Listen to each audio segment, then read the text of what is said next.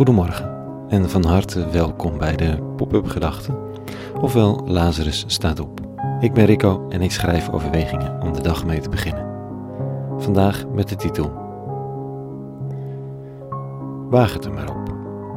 Pop-up Gedachten woensdag 17 november 2021. De dagen beginnen in het donker en de kou kruipt door het huis. Een aankondiging van een winter die nog even op zich laat wachten, maar hij wel degelijk aankomt. Om ons heen voelt de wereld en grote vragen en gedachten buiten, buitelen over elkaar heen in krantenkoppen die elke dag weer net wat anders zijn. We kennen de thema's: klimaat, migratie, sociaal-economische ongelijkheid, corona.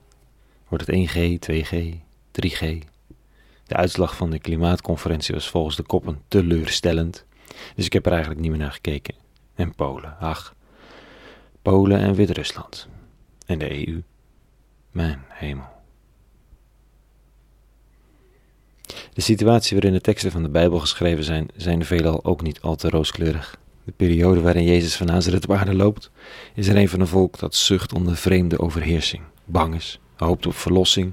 Af en toe een opstand die dan bruut wordt neergeslagen.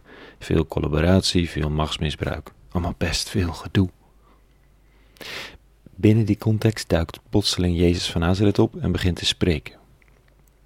Niet over de Romeinen per se, maar over het koninkrijk dat komt. Niet over zij die het anders moeten doen, maar over de naaste die liefgehad moet worden.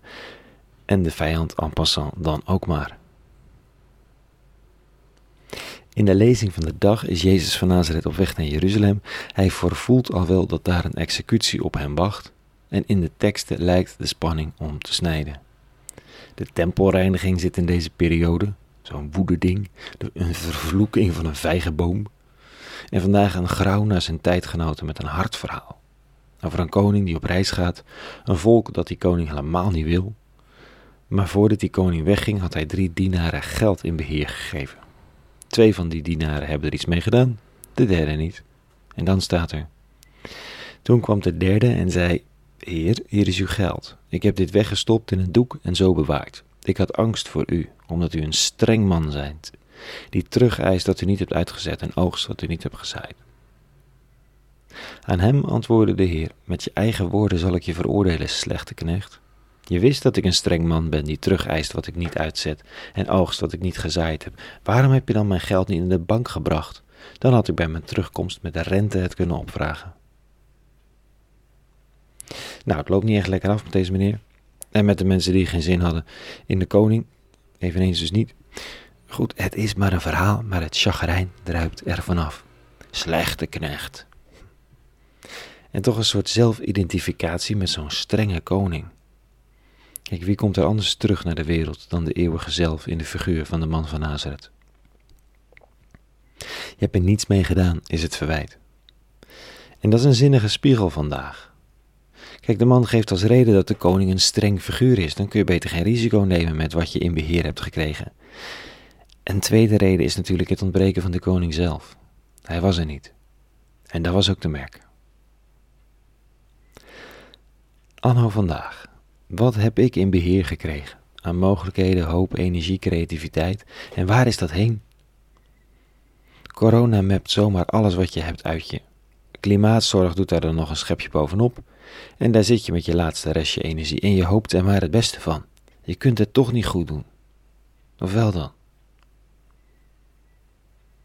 Het is een strenge tekst van een rabbi op weg naar een executie of om gelyncht te worden.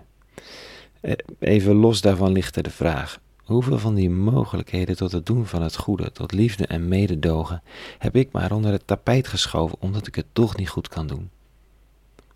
Of omdat ik het gevoel heb dat de eeuwige zelf ook niet echt de touwtjes in handen houdt en de boel.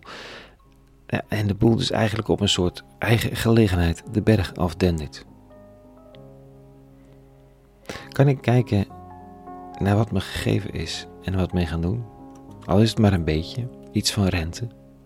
Mijn kwaliteit ondergebracht bij iemand anders, zodat diegene er iets moois mee kan doen, levert geen gouden berg op, maar je werkt tenminste ergens aan. De uitnodiging in de tekst is er eentje van vertrouwen en van verantwoordelijkheid. Niet innen voor de wereld per se, waarin en voor dat wat jij aan schoonheid en liefde en ik, wat jij en ik aan schoonheid en liefde hebben ontvangen. Tot zover vandaag. Een hele goede woensdag gewenst. En vrede natuurlijk in alles. En alle goeds.